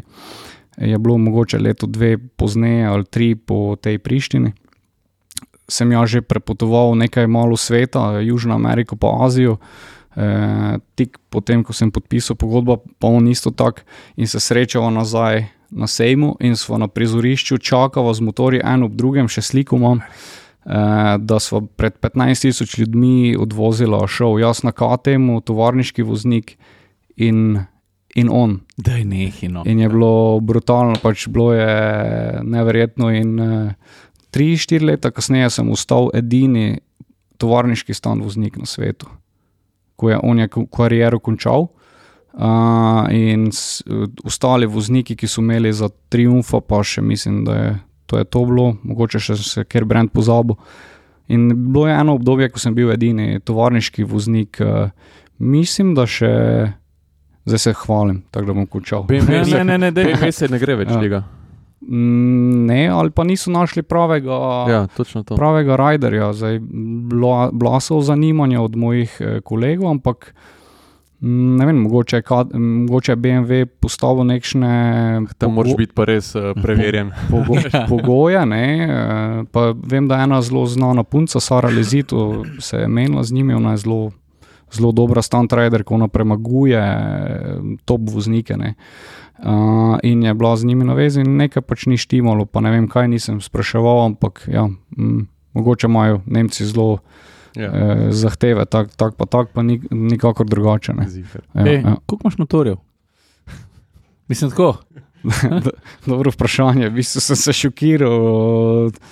Pet dni nazaj smo mogli snemati vlog, po treh letih sem spet, ajde, zdaj pa da naberemo vse motorje, ki jih imam skupaj, zato ker jih imam nekaj pri starših, nekaj pri babici. Nažalost, nimam velike garaže, ki bi to lahko vse skupaj spravil, potem v treh različnih skladiščih, ki jih imam v najemu. In smo to zdaj skupno vozili, tako da je 4 ure trajalo vse skupaj, da smo eh, to zrihtali. In sem preštel, da imam, se pravi, z mojimi skuterji, ki sem jih v začetku vozil, pa vse te motorje, ki so se nabrali 22 motorjev in skuter, pa skuter motorjev. Ja. Ja. Samo, ja, se lepo sliši, vse tudi je, je, to so sanje. Ne? Na koncu koncev imaš samo en par rok, pa en par nog, tako da mo, ne morem, to je v bistvu so motorji, da uživam, da jih Nosijo zgodbo. nosijo zgodbo. E, eni, so, eni so upokojeni, eni so v, v uporabi, da kreiramo kontent da, za entertainment. Mm. Mm. To niso moji privatni motorji, da bi ja šel ob vikendih. Te, tri, te motorje imam 3-4 za sebe, več ne rabim. Mhm. Ja, ja. Prej si omenil, da so pa sledili te nastopi v živo. Um, kjer je pa um, ki si, si ga najbolj zapomnil? Tako, Huh. Ej, ko sem se vozil, sem se vedel, da, me, da te me to vprašali. Sem se spraševal, kaj bom odgovoril zdaj v tem. In včeraj sem eh, glih na računalniku prenašal slike na trdi disk za sodelavko in eh, se našel slike z Jordanije. In eh, Jordaniji so bili res top šovi. Eh, tam sem že štirikrat nastopil in sem bil z, eh, kaj je že ta od, to, eh, od Toro Rosoja voznik, eh, Gasly. Mhm. Gasly, Pierre. ja. Pierre Gasly, ja. jaz pa Pierre Gasly, sva, oni za formulo, jaz z motorjem, sva bila pri Mrtvem morju, sva imela šov. O, se spomnim, To. ki si mi razložil, to dej povej. Dej. To je bilo res super, to je najnižja točka na svetu. Pa, eh, ja, on, pač Red Bull je imel svoj F1, eh, F1 demo show, po Mhm. mojem, po celem svetu te demo šove. In pač jaz sem bil kot predstavnik ATM-a tam in sva, eh, smo potem imeli tam šov. Eh, Kasneje, en dan potem smo šli potem delati slike, eh, pa videe, in tam sred puščave sparkiral mi tovrnjak dol, not je bil en motor. Na rjastem, eh, onem eh, vlečnem vozilu, pa gor formula za par milijonov. Ne. Sem jaz pa ki gledam, kaj te oni tu in so dejansko potem snemali na isti lokaciji, Aha. kjer so nastale ena najlepših slik, kar sem jih kdajkoli naredil v karieri. In res jih imam ogromno, ampak če bi top 3 so te slike, ki sva jih naredila z Janezom Kocbekom, res. Boš no, poslal. zdaj pa preberite, kaj piše. Imaš najljubšo fotko, definitivno. No, vidiš. Sem te hotel to vprašati. Se pravi, to je tvoja najljubša fotka. E, ja, z, to je z, zraven osla. Zato sem iskal slike, ker me je žena prosila, da poišči mi to sliko ven, ker bom jo dala v stanovanje, gor, ker toliko krat o njej govoriš. Uh, Uh, in v bistvu čakam z motorjem, se pravi, dolga cesta, fotograf je do 100 metrov in me hoče poslikati, kako se proti njemu dvignem po zadnjem. Ne. Uh, in čakam, da mi da znak, se obrnem. Uh, v bistvu levo in vidim v puščavi, predstavljate si neki western movie, pa pride e, kavbojec daljine, ampak ni bil kavbojec, je bil en fant, eh, malo zapečen eh, na oslu, ne. pride zraven. Pa me vpraša, kaj je to za motor, pa mu razlagam, kjer je model. Pa vpraša, no, kak je pa tvojemu modelu ime Oslo, ne? pa pravi Shakira. In, in se tako smejijo, in da potem si da handshake. In to so bili v bistvu magic moments, vedno pravim. Ti si planiraš nek fotoshooting, neke momente, Ja. ampak to so te mm, Impro. impro, ki naredijo najlepše momente. In v bistvu ta slika je potem z, uh, so jo objavili samo na Facebook, pa mislim, da Instagram in je, potem so jo uporabili uh, Middle East, uh, Bližnji vzhod, mediji iz Bližnjega vzhoda uh, kot, uh, kot neko novico, v smislu, da prijateljstvo ne pozna meja, ker je res tako močna slika. Fant se smeji, jaz se smejim, jaz, uh, evropejec, on z Bližnjega vzhoda, on na oslu, se pravi, boga, bogato versus Mhm. revno, eh, ta narodnost versus ta narodnost, in je v bistvu ni versus en proti drugemu, ampak je en z drugim. Ne. Mhm. Je bilo res, res, to je ena uh, slika, ogromna slik, slike iz Mjanmara, ki so jo naredila z Dominikom. Eh, Potem, če se vrnem na šove, šov v Mjanmaru, to je bilo nekaj res odbitega, pristaneš kao International Airport of, kaj je že njihovo glavno mesto, mm, da sem pozabil. Um, pa priješ dol, pa v bistvu samo eno letalo, pa pridejo men, z, do, po mene skoraj skočijo. Vedno pridejo z nekimi, ne vem, Mercedesi, kakorkoli, z, me pogostijo kot VIP, že z, tem, čim pridajo po nas. Ne. A tam so prišli rok, sorry, we don't have money in Myanmar. Jaz nisem vedel, kam, mislim, vedno pogooglam, kam grem, ampak v, re, v realnosti potem vidiš, kakšno je. In to je bilo prvič, ko so prišli, ko si videl. Fakt, to pa sva prišla v revno državo. Ne. Hmm. In je bila res suril, takšen čuden občutek je bil, ker si imel v ozadju vedno feeling, da je vse kontrolirano, vse, kaj ljudje delajo, ker tam je ena vrsta diktature, mislim, da je pod vojaškim vodstvom še vedno. In uh, ljudje so ful, ful tako zadržani. E, naprimer, šraufali smo motor, sem rekel, dajte mi vezico, pa mi vezice ne dajo eno uro. Pa rečem spet, evo, zdaj pa spet, ker oprosti, prehitro govorim. Uh, vedno naredimo motor, ko grem v tujino, ne, ga sestavimo in potem rabim š, pač dela in vezice in tako naprej. In rečem, en vezico mi daj, ura mine, dve, tri, štiri. Popizdim in grem do šefa, hej, tvoji mehaniki mi nočejo dati e, vezice. Jaz sem sicer videl, da smo na tleh šraufali. Delavnica ni imela, če je imela deset ključev, pa en šraufen cigar je vse imela in je to profi, kao delavnica bila. Rekel, ni. Ja, rok, eh, ne vem, greva dol, pogled, pravi mehanik, ki ga je sram bilo povedati, da nimajo vezic, ki bi lahko šel v obi, pa kupil en paket vezic. Tekam, ja. Tako da so potem šli tam vezice skupaj iskati. In eh, Mjanmar je bila odštekana, Ampak nastop je bil pa, predvidevam, nor. Ne? ja, Ja. ja. ljudje so noreli. No, tako da Ja. Kam, Kambodža je bila zelo, v Kambodži sem imel res dobre šove. Zdaj bom pa jaz enega izpostavil. Jaz vem, da si v Izraelu nastopil in so ti, ti to so ti v bistvu, seveda, na nek način pol zamerali te na drugi strani palestinci. ne. A si videl to? Sem videl in Ja. ja. si šel v Palestino ne? Ja, in tam je bil en najbolj odbitih nastopov. Ne? Palestina je bila zakon. Ja. Ja. Palestina je. Jaz, ja, jaz imam vedno bolj rad politiko, ker sem prepotoval res ogromno sveta in vidim vse, kar nam eh, prodajajo Ja. tu na naših medijih, slovenskih in evropskih, tudi to zdaj za rusko vojno. Ne bomo šli zdaj v tej smeri, ampak eh, eh, ni vse tako, kot nam predstavijo. Ne? To moramo vedeti, ker so vedno zahodna stran medijev, ne? se pravi, tudi nam probajo so, eh, pač dati pred oči svojo sliko, ne? ampak vedno si moraš narediti sliko z svojimi očmi, če je le to možno. Ista situacija z Izraelom in Palestino, ne? greš na obe smeri, pa si potem narediš svojo sliko, katera ni mu zdaj tako, pač, to je samo moje mnenje, ne? Mhm. ampak Izraelci ne spadajo tja, kjer so, ne? ker so bili prvo Palestinci tam, tam so jih postavili. No? In, uh, Eh, ampak to je potem politično, mi se brez veze, da se potem s tem obremenjuje, ker mi smo samo lutke, ne, to samo par, eh, par ljudi na celem svetu nas kontrolira, ne, tako da se potem ne spuščam več v te, ker si potem samo slabe volje. Kar te razžalosti je, potem prideš v Palestino, pa palestinci se ne grajajo Izraelcu kot ljudi, ampak njihovo politiko. Ne. In potem pač slišiš v razno razne zgodbe o strel, streljanju, te peljejo, me doskrat peljejo potem v te mesta starodavna. In Imajo zelo lepo državo, palestinci. No. Sicer turizem je malo nerazvit, ampak zelo lepa država. In eh, ne vem, potem imajo omejitve, da lahko grem v Izrael točno ob določeni uri nazaj, iz Palestine sem mogel polnoči iti na neko carino, kjer sem mogel ko na letališču preskenirati cel kufer. Izraelci se dejansko bojijo sami sebe, same svoje sence. Ne. In če to poveš, Izraelce so po celem svetu, pa sem jih že večkrat srečal in vedno znova rečem, da se bojijo sami sebe, kaj govoriš. In nočejo slišati tega, ne. in vedno so vsi drugi krivi, samo oni. Ne, ne. Uh, ampak to je moje mnenje. Nisem se, sem se poglobil, pa verjetno ne za dosti, da bi, da bi razumel, pa tudi če bi se poglobil, verjetno ne bi Ej. nikoli razumel te. Da mi pove, kako pa je motor prišel za tabo na te nastope. Tako, štekam, da po Evropi je to malo lažje, ampak kako v Palestino pride motor pripravljen za stand? E, to je dejansko dobro. tu si nazaj dobro, kako si zdaj eh, našel to. Dejansko tu je zelo zanimiva zgodba. E, Palestina, prav za čim hitreje to povedati, prijem v, v prvič v Palestino. Pravijo, da je to prvi mednarodni motošportnik v zgodovini države, pa prvi event in da bo ogromno ljudi. Jaz pridem tja in ponavadi, ko vidim bajkerje na cesti, potem vem, da bo dosti ljudi.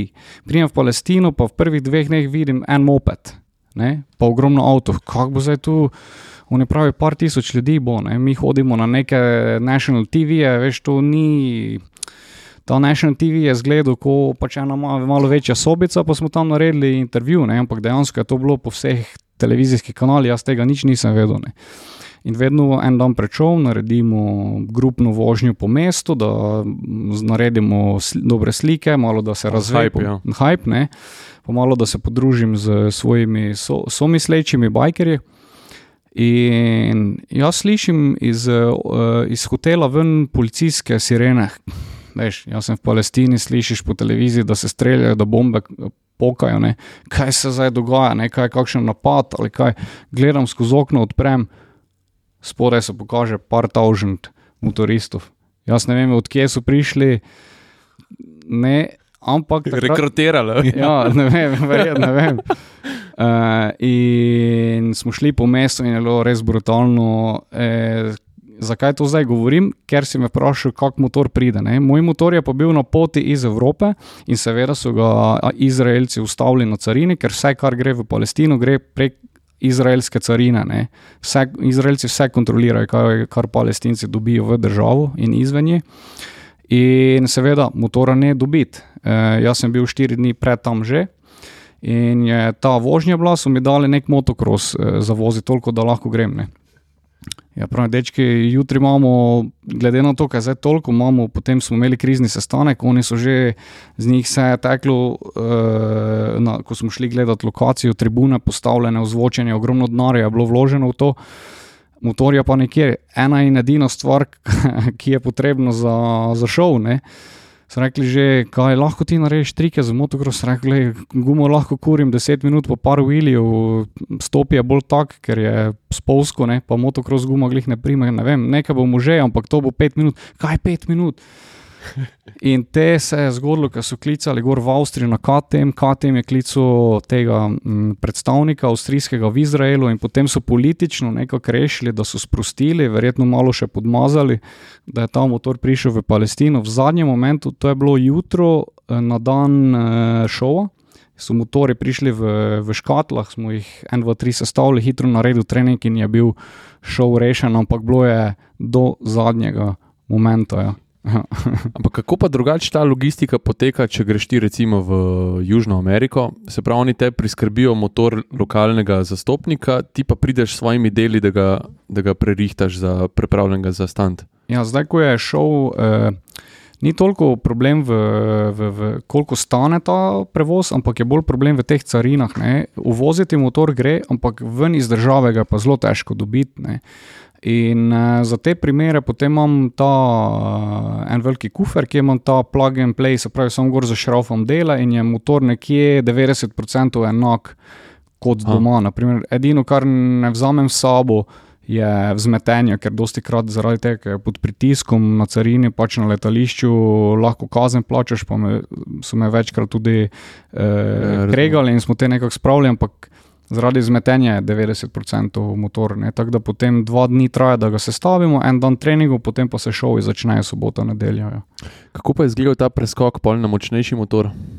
Ja, je bilo kar dosti prilagajanja, eh, ampak je mm, šlo kar hitro. No. Ja, v bistvu, gledaj, sklopka, gas je tu, samo teže se moraš navaditi, pa okay, malo več dela je bilo z eh, fizično pripravo. Ne. Še vedno, še vedno moram konstantno se fizično pripravljati.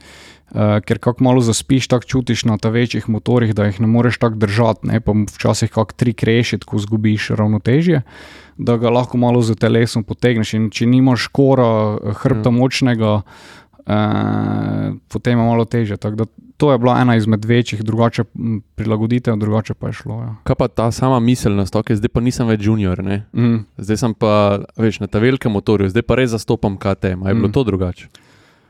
Uh, v bistvu, zares sem zastopal, že odkar sem podpisal, ne, ker ta, ta mali motor je za njih najbolj pomemben. Držno motor, zihar. Ker ga Ja. prodajo ne vem, 200 tisoč kosov letno, ne, Ja, ja. v primerjavi s Super Duke, ki ga prodajo ne vem, 2000 kosov letno. Ne. Uh, ampak uh, zdaj. Kako gledajo drugi na mene, ko vozim večje motorje, seveda z drugimi očmi, ne, Seveda, ja. večji respekt, eh, ja, ker je pač uh, teže voziti, ampak uh, ja, kako KTM na mene gleda, ni, ni razlike. Ja. Mogoče je bilo, ko sem naredil kakšen vlog, ki sem šel testirati, če lahko narediš stand trike z adventure motorjem. Ne. Mhm. In potem so začeli mi pošiljati SMS-e, pa me klicati ljudje, ki se mislijo, da nikoli ne gledajo mojih. To so bili, rečemo, šefi določenih segmentov, ne samo pri KTM, tudi pri ostalih eh, sponzorjih. Ne. In včasih treba malo šokirati, da, da malo zbudiš, pa da te opazijo. Ne. Mhm. Ja. Kje si bil? Ja, mo- Moral sem iti, uh, kaj je prijatelj, Rez- ro Rezervoar. prijatelj roko. Prazen. Um, ne veš, kaj sem te hotel vprašati. Uh, že pri prvih videih sem opazil, pa zdaj spet, ne, da stil pa kar vzdržuješ brez rokavnik oziroma telovnik. To je kar malo zaščiten znak, se mi zdi tvoj. No? Ja, to je moj, moj eh, temu rečem, lucky way, srečno, srečni brezrokovnik. Prinaša srečo, ampak sem ga upustil pf, zadnjih pet let. Uh, ampak me je sodelavec v bistvu spomnil, zakaj ti več tega ne, vo, ne nosiš. Ne? In, uh, razlog, zakaj ne, ker ko sem presedlal na večji motor, ja, so hitrosti postale večje in potem ni za ebancije. ne. Te ponavadi je bilo, ne vem, v Indoneziji se spomnim moment, da e, sem že videl, kam upadal, pa sem komolec nastavil, ne, pač si je malo kri tekla, pa smo šli naprej. Ne. Te sem bil na letalu, ko ena mumija, vedno povid. Ne. Uh, ampak to je te zabancije ni pri večjih hitrostih, ne, tako da sem potem tudi sponzorja dobil za opremo. E, pa, ja, zaradi tega nosim zdaj profesionalno opremo, ampak ta, to zadevo nosim tako, nisem na motorju. To je moj zaščitni znak. Zdaj na oče, ne? Ja, A so kaj vili krajši zdaj zaradi tega? v bistvu sem se spraševal, kaj bo, in dejansko sem bil zelo v takšnem precepu, kaj bo z mano. Ne? E, Zdaj korona je prišla. Potem motivacija, mislim, je padla, ker nisi imel šov. Kak, veš, kar naenkrat si super zvezde, online zvezda, ampak to ni tisti direkten stik z ljudmi. In kar naenkrat, veš, moja žena je tudi tako, veš, ona me takoj prizemlji, veš, prideš iz, ne vem. 20 tisoč ljudi po nacionalnih eh, teh radijih, televizijah, po rokah te nosijo. Ne? Priješ domov, pa rečeš, no, tu imaš sesalec, pa posesaj, ker te dolgo ni bilo. Ne? Klasika, ne? hvala Marjano. E, in to me sicer drži normalnega, da ne e, vzidem, ampak e, kaj je že bilo vprašanje? Vili, če so kaj Ja, krajši. kaj so krajši? Ja, in uh, precepu sem bil. In v bistvu, kaj se je zgodilo, ali dosti krat se zgodi športnikom, da se umirijo, pa se posvetijo družini, ali jim pa to dodatne, doda, dodatnega zagona. Moja ščerka je stara dva meseca uh, in uh, trenutno mi daje takšen boost motivacije, da začnem, začnem nazaj dobivati uh, željo po š, uh, zanimivih videih, po, po šovih. Uh, ta feeling dobim nazaj kot pred desetimi leti, ko nisem sledil trendom, ampak sem probo postavljati trende sam. Ne. Hm.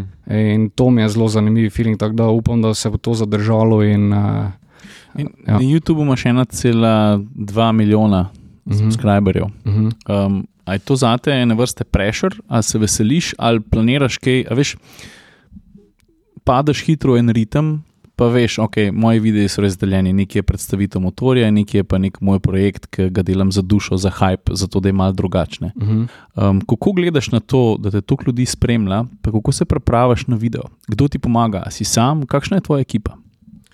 Uh, ja, v bistvu v začetku sem imel ta pressure, ajde, da pridemo do pr prvega milijona, sicer pressure, pozitiven pressure, smo bili motivirani, smo delali, zdaj pa to, ko dosežeš, pa tega zmanjka. Ne, tega, Mhm. uh, in v bistvu zdaj sem bil pod pressure, da ne zaradi sledljivosti, ampak da uh, dosegaš to.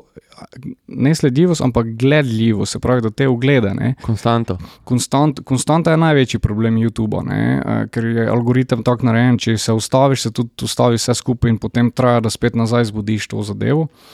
Uh, in je bil ta, veš, ko si posnel 115 epizod, te ti že malo manjka idej. Ne? In, uh, in uh, vsi zadnje čase smo si sledili Mr. Beastu in njegovi, njegovi logiki kreiranja videov, tudi sam sem v to padel in je postalo zelo uspešno, ampak priprava takšnega videa je potem zelo zahtevna. Naprimer, razlika.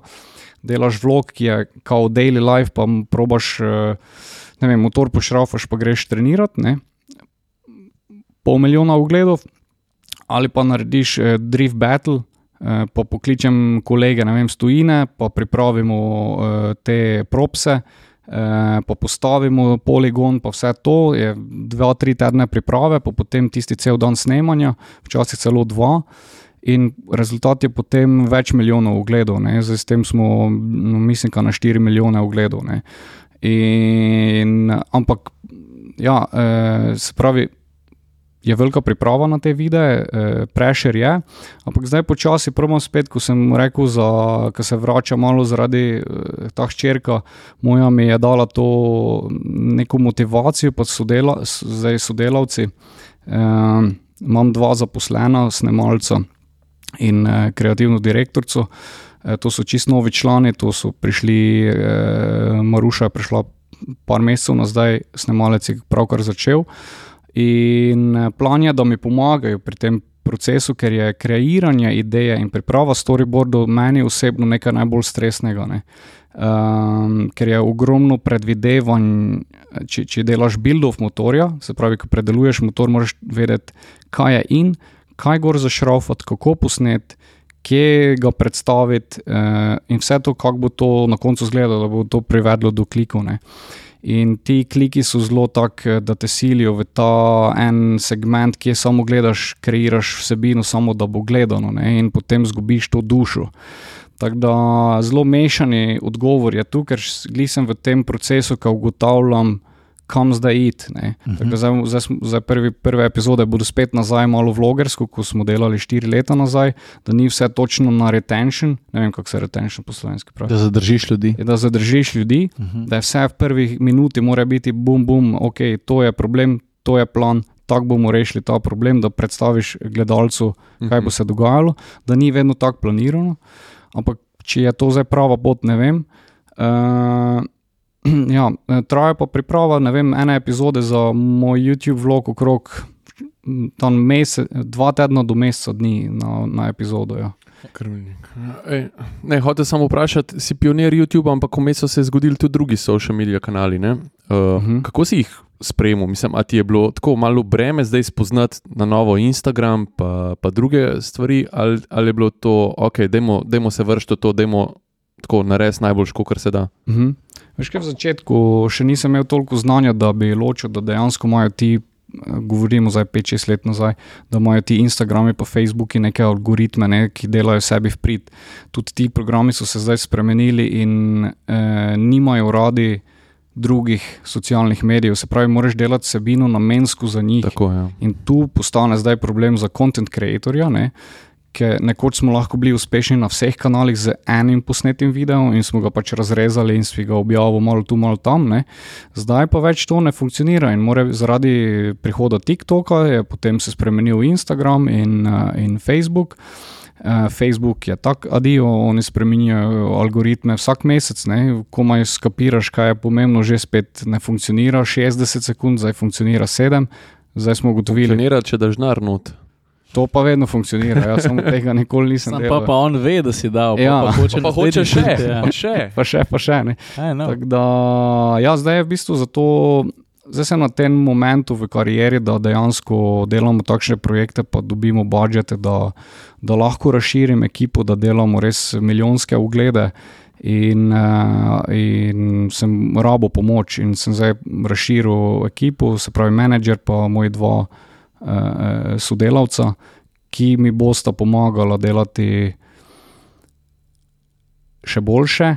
Jaz sem pred, pred dvema tednoma rekel, bomo še več delali, rekla so delavka, ne, bomo delali isto, samo še boljše, ker me miri. Uh -huh. Je zelo, zelo, zanimiv, zelo zanimiva oseba, tako da bomo videli v prihodnje, kakšne rezultate bo to prineslo.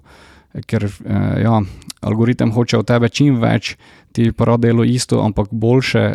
Zdaj pa kaj je pravilno, pa ne vem. Malo je to fajn. Jaz tudi, ker se mi zdi, da, da mi gre malo na jedra ta algoritem, vem, da mora biti, pa vem, da je fajn, pa da algoritem spodbi, spodbudi k marsičemu, ampak te odpelje lahko stran od tega, kar si zares. Res je. Ja, res veš, je. Se recimo pri sebi vidim, da sem pri YouTubu čist zagnojil, zato ker sem premakrat vloge gor dajal, ker včasih mi je tudi 2-3 tedne, ker neč gor ne dam. Vmes sem na Instagramu full aktiven, pa mi zmanjka energije, da bi posod po vse delo. ne. Ja. Pa pa padam in YouTube, recimo jaz v tem trenutku, a pa ne vem, kdaj ga bom lahko pobral, da bi prišel na prejšnje oglede.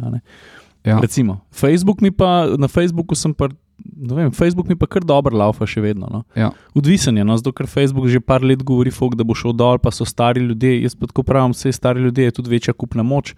In je to povezano tudi s pridobivanjem posla, pa sponzorjev, in tako Mm. naprej. Tako da meni Facebook, recimo, mi fajn dela. Instagram tudi, čeprav pri Instagramu smo vsi tudi kar postali žrtve algoritmov. Mm. Še E, Glede storijo so mi šli za 50 odstotkov dol, pa skoraj včasih, ne glede na, ne glede na to, kako se pa kaj potrudiš. Naredi tako, kot je na TikToku, ali te pa ni na Instagramu. Ne? Tako se Ja. mi zdi, da je ta vibe. ne. Tako- samo en gre na jedra, ker Saša, jaz pa ti so v prvi vrsti sva content creatorja, ki dava neki na vsebino, ki je mogoče malo boljš narejena, pa poudarjava to, da je res estetsko ustrezna. Pa pisa, razmisliš, kjer font boš dal, kjer mu se to storijo, kako boš estetsko naredil, da bo res lepo izgledal. Sprav ne samo en avto, se vsak zna, veš ti si rekel prej, full lober, ne vsak se zna, ali pa zelo hitro se lahko naučiš po zadnjem voziti. Mi dva tudi lahko zelo hitro gume za kurva, ali pa prepizdiva čez ovink. Ampak mi dva hočemo, da tu na piko na i, pa se potrudiš, pa narediš 10 storijev, ne vem, 10-15 storijev, ne? pa veš, da je dober kontent, ampak kakšen dan bom pa sam na enem sliku, kle, ne vem, kar neki. mm. Eno fotko pečenke ali pa neki, pa, bo šel, pa bodo ogledi petkrat. Veš, se več, mi zdi, da je TikTok dejansko tole. Ne? To, da v, da naslednjo sekundo, ko pogledaš un video, naslednji pozabiš že, kaj si prejšnjega pogledal. Ja. Veš, moj namen je pa, da nekdo gre čez set mojih storijev, Uh -huh, da se še zmeraj mogoče spomne čez dan, dva, teden, mesec. uh -huh. Jaz se pa spomnim tega avta, ki je pa on objavljal te stvari, pa si zapomnim Mhm. nek podatek. Ne. TikTok je pa enostavno, se mi zdi tako, Ja, in ti, in ti malo je prazen. Ne. In ti kot user dobiš ta jebeni monkey mind, ker postaneš sužen tega in ti samo iščeš naslednji dopamine hit, ki ti ga sproši kontent, ne nujno dober kontent. Dosti sem že enkrat rekel v podkastu, da kontent je tako kot hrana. Pri hrani moramo paziti pri kontentu mal premal in pa se ti s svojim načinom dela probaš kar malo operati tem jebenim logarit, al- logaritmom, algoritmom. V jaz sem delal to, kar se meni zdi, da je lepo. Pa pa malo upaš na najboljši včasih. Ne? Včasih gre, včasih pa ne. ne. Jaz se tu zdaj malo zadržujem, ker če gremo v to debato, me vedno potem Dej- dol miri. dej Jaz pa sem odštekan tip, kar se tiče eh, teh algoritmov, pa ker res to spremljam po par ur dnevno. Jaz včasih, ko gre žena spat, jaz se priklopim na računalnik, grem analizirati svoje videe. eh, Potem imam storyboard napisan, zbrišem komplet včasih dol in te me sprašuje, zakaj si spet zadnji dan poslal storyboard. Jaz, ker sem mi ni bilo všeč, ker je algoritem oziroma grafi so kazali izpred prejšnjih videov, da ta moment v tej minuti ni zanimiv, ne, ful se analitično, Uh -huh. kar tudi ni najboljše, ker potem zgubiš dušo. Kaj hočem samo reči, tako kot si rekel, TikTok, Instagram, Reels, eh, Shorts na YouTubu, to je swipe content. Uh, se pravi. eh, Ta attention, attention span ljudi, njihovo, kaj jih zanima, je po par sekund, gremo naprej. Ja. Kar je dobro na YouTubu, je, ko greš na YouTube, veš, da si moraš vzeti par minut, po 15-20, pol ure cajt, da boš dejansko nekaj gledal. Uh -huh. In to je mo ta močna stran YouTuba, ampak YouTube je tudi rad bil Instagram ali TikTok in so uvedli zdaj šorce, tako da se tudi zanimive oziroma čudne stvari dogajajo na YouTubu, ampak še vedno je ta razlika. In je YouTube zaradi tega tudi teže kreirati, zato tudi ni toliko content creatorjev, kot naprimer teh, eh, tega, ampak ne bom, oziroma bom malo vzel, kor- bom stopil nazaj, ker tudi ni tako enostavno. Ok, YouTube je daljši, lahko zadevo malo širše razložiš. V TikToku, v šorcih pa imaš ta prešer, da moraš v zelo kratkem času razložiti setup oziroma opisati avto, uh -huh. katere feature ima in to v 60 sekundah, ali pa narediti 10-minutni video opisa o avtu. Ne. Zdaj vsak ima svojo eh, težavnost. ne, tako Da, Mhm.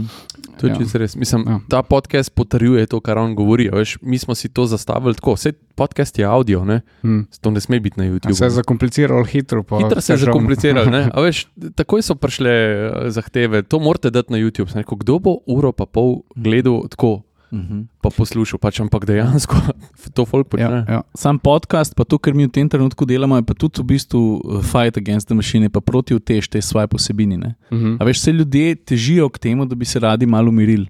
Ti si če- cel dan si bombardiran z, z milijontimi enimi informacijami, in ko greš ti teč, pa ko pospravljaš, pa ko se peleš z avtom, ti pa prav sede se malo umiriti. Vse imeti nek kontent, ampak dajmo si vzeti sajt, dajmo se pogovoriti.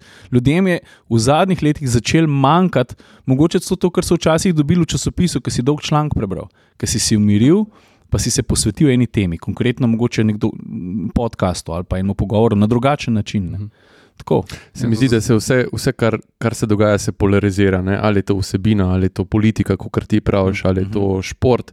Veš, vse se polarizira na, na dve skrajnosti. Ne? Ja, pa tudi, eh, veš, to, to niso, vza, ne, te novice širijo, se širijo po teh Instagramih, TikTokih, ampak to ni preverjen novinar v zadju. Veš, kaj se tu enega fake newsa razširi, pa Vem, ja. kako to kontrolirajo. E, vprašanje, kdaj si nazaj gledal film, brez da bi pogledal na telefon zmes? Imaš to težavo? Ma, ne, nimam, nimam. ne, nimam zaradi tega, ker. Ker ne gleda filmov. Ne, gledam filme, ampak so telefoni v moji spalnici prepovedani in po, ponovadi pred spanjem pogledam še film. Tako, Aha, a veš. okay. Jaz imam zelo težavo s tem. Jaz sem odvisen od glih zaradi tega. Pač, ne vem, če je izgovor zaradi službe, ker gledaš konstantno, pa probaš ideje dobivati, ampak potem po drugi strani imam težavo sploh film gledati. Pa da ne bi, veš, ker ti po petih minutah postane dolg čas, pa je le, lahko. to je ta monkey mind, stari, veš. To je, to je neverjetno, mm Mhm. -hmm. zato takrat hodim v kino, kjer ne smeš gledati na telefon in potem res, jaz full rad gledam filme v kinu. No. Ej, kdo ti pa tam ne dela? Uh, v bistvu en fant se je javil, ne vem, skot je. Uh, Mhm. So uh, mene, dobri. hvala. M, osnovno idejo mu pošljem, sli, pač vedno del snemanja YouTube filma je tudi, da, da, da razmisliš, ogromno razmisleka, dejansko gre, kakšen bo tam nail. Still shot, ne? Da Ja, se pravi, že v tem mesečnem proizva, eh, mislim, razvoju storyboarda razmišljam, imam napisano točko, tam nail, kakšen bo. In to je v bistvu prva najbolj pomembna zadeva, pa potem zgodba, kaj stoji za tem tam nailom. Štle smo mi malo šlo. Ja, zagotovo. ne. Uh, Ker se jih filme omenil, a si kdaj nastopil v kakšnem filmu? Mislim, tako kot stuntman. Uh, Ali te mikal? Si res stari. Ne, v bistvu niko, takrat, ko je bil ta hype, pa možnosti, nisem imel časa, pa niti nisem se poglabljal v to. Ampak uh, uh, uh, uh, zdaj bi si želel, Aha. Eh, tak, samo za experience. Ampak problem teh filmov je, da so zdaj že v, se, se, se je trg nasičil z zelo poceni vozniki in grejo za zelo mali denar voziti, in tega mi ni treba. Hm. E, da bi bil tam po 15 ur dnevno, pa, pa zaslužil vem, 200 evrov na dan, kar je še vedno dost. Bi pa šel zaradi experience. Jaz bi- isto. samo veš. zaradi experience. Tudi jaz. jaz Mhm. Kaj bi zraven Gre same skap- hajek sedel, veš. Jaz sem jaz avto, ti motor. Ali Če kdo kaj, ali posluša. pa Scarlett Johansson. Jaz sem zraven. kvik je naredil, alo. ja, ne. Um, Tako da, ja, za Robbie Williamsa sem posnel, oziroma ne, oprosti, ne, ne za njega, ampak za en kafe. Mm, En švicarski kafe, ja. kot mogoče nekateri veste, v, v, v Sloveniji zelo dosto produciramo mednarodnih reklam, mm. ker imamo zelo Ja, ja, dobre ja. ja. produkcijske hiše tu. Smo tudi eh, zaradi tega popul popularni, ker smo cenejši od nemških in severnejših držav, zato raje k nam pridajo. Ne? Se gre ta tok tudi proti Srbiji dol, drugače, ne? Ja, ja, Ja, ja, vem, Prosti, prosti, Z roko v roke, vse skupaj, Ja, ja. sceneriji, majhne, mislim, lo, lokacijsko smo primerni, ker so vse razdalje krajše. Res je. Ja. Res je. Uh, no, in uh, so delali eno reklamo za kafe, in potem ena izmed teh uh, produkcijskih hiš me je poklicala, ko so rabili stuntmana za določene šote, in je bil full over experience. No. Uh, Robbie Williamsa nisem spoznal, da, da ne bo to pisal v thumbnailu. On, Rob on, in Robbie Williams. on ni Moramo izboljšati tam naile. Thumbnaile morate izboljšati. ja. Robin, uh, vozil za, za Robina Williamsa. Ne, sicer naslov imate zelo dobro clickbaita, ne, tako da Hm, zelo, to vam gre. Saj To pa meni ne gre dobro. Jaz se vedno gibam v fire, uh, crazy, uh, on fire. Sej, ja, tako. Ej, dej, zato usporedno zgodbo povej, ker nekje je stunt driving, nekje je YouTube kanal, ja, maso taki, ki ti na nos. Um, kaj pa neki tako customizing motorjev, pa to, da razložiš zgodbo, ki jo gradiš. Uh, aha, misliš, ja. Uh, leta 2016 sva z mojim menedžerjem Markom se od- odločila, ker leta predtem se vedno razvijajo stand dele za moje motore. Ne. Hm. In ko smo to objavljali, gor so vedno komentirali, da je še za mene naredi. Ne? In potem se je to par let ponavljalo. In prišel je moment, ko smo leta 2016 smo rekli, da zdaj, če že naredimo toliko, pa toliko wheelie barov, tri wheelie bare, zakaj še jih potem ne naredimo dodatnih 30, ne? ali pa pač nek del za motor. Ne? Uh, in tako se je potem 2016 to začela zgodba z, z proizvodnjo, razvojem proizvodnje in prodajo um, eh, standelov. In zdelo se nam je vse super, ker smo bili majhna ekipa, three-man band, jaz, Marko in eh, naš mehanik je to vse skupaj varil, pa proizvajal, ročno delo. In uh, smo potem se enega momenta odločili, da bomo pa naredili nosilec tablice, ki pa ni stan del, ki je v bistvu del za cestno uporabo. In mi smo prodali, smo bili zelo zadovoljni, če smo 20 kosov stand, enega stand produkta prodali. In mi smo lansirali ta nosilec, še celo sem naredil vlogo, napako, ki sem poimenoval, ker sem dejansko mislil, da se tako izgovori, da je to tail tiddy, namesto tail tidy.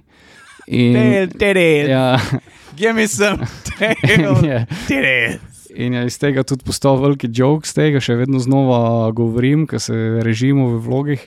Uh, ampak ja, potem smo prodali tega 120 kosov v sezoni in to nam je potem kliknilo, ok, gotovo je, z, gremo malo na stran za standard, gremo naprej z produkti. In od leta 2016 zdaj imamo sedem ljudi zaposlenih, plus jaz in Marko.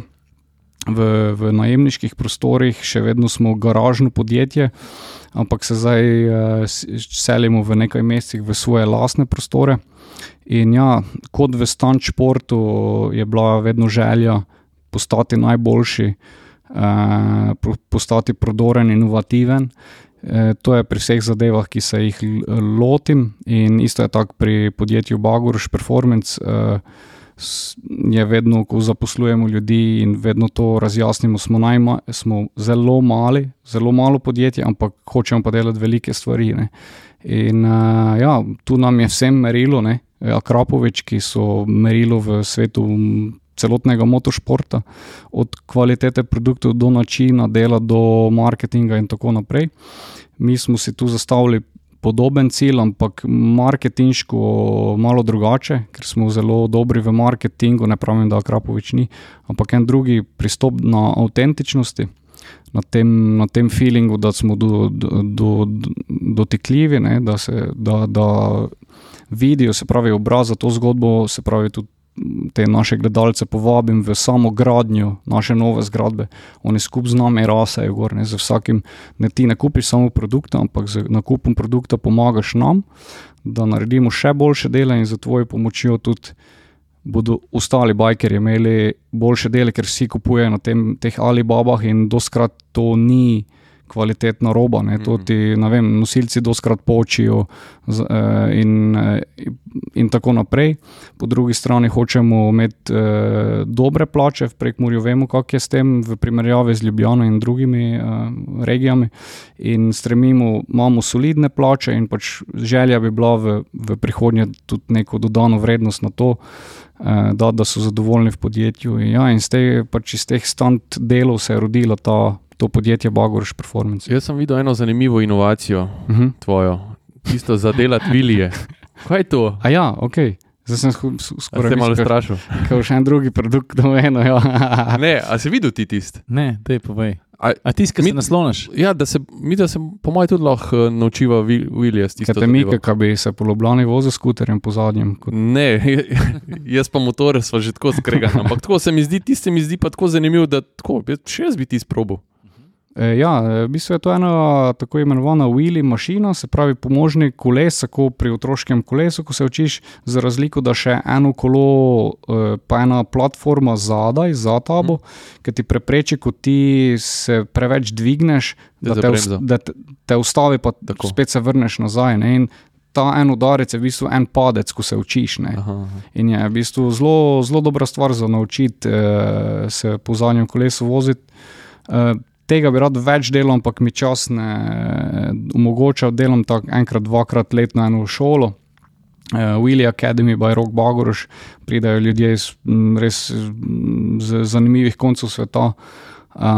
Tako da letos bom imel verjetno eno ali dve rundi spet. Ja. Tako Kje da se pa lahko folk uh, prijavi, oziroma kje lahko vidi, iz- izve več? Ja, na moji spletni strani rockbagoroš.com, en zavihek Willy Academy, pa tam so videi, pa slike, pa vse to. E, kjer kos pa najbolj gre iz, iz štacune teh dodatkov? E, največ prodamo, imamo tri top produkte, glih včeraj sem spet statistiko gledal, ker se sezona. Se, Itak, da si. a ja, ok, vidiš, čist pozavim, vidiš. Ne, da je povej. E, ja, sezona se bliža, pa se treba malo pripraviti. E, se pravi, te nosilci za tablico so zelo top produkt, potem zelo močni smo v crash protectionu. Le zakaj? Smo dobro testirali zadnjih 15 let. ne. Uh, tako da, ja, te crash protection pa zelo dosto prodamo teh eh, stikerkov, to se pravi nalepke, ki polepiš cel motor in spremeni komplet vides. ne. Tako da te tri, mogoče sem še kakšnega pozabil, ampak te tri so, so, kar se tiče segmentov, so zelo dobro prodajani produkt. Pa mi pa še tri poškodbe povejno, ker vem, da si neki kolena trgu, pa take stvari. Uh, trikrat, desno kole, trikrat desno koleno, v bistvu. Ja. Okay, Spremenimo temo.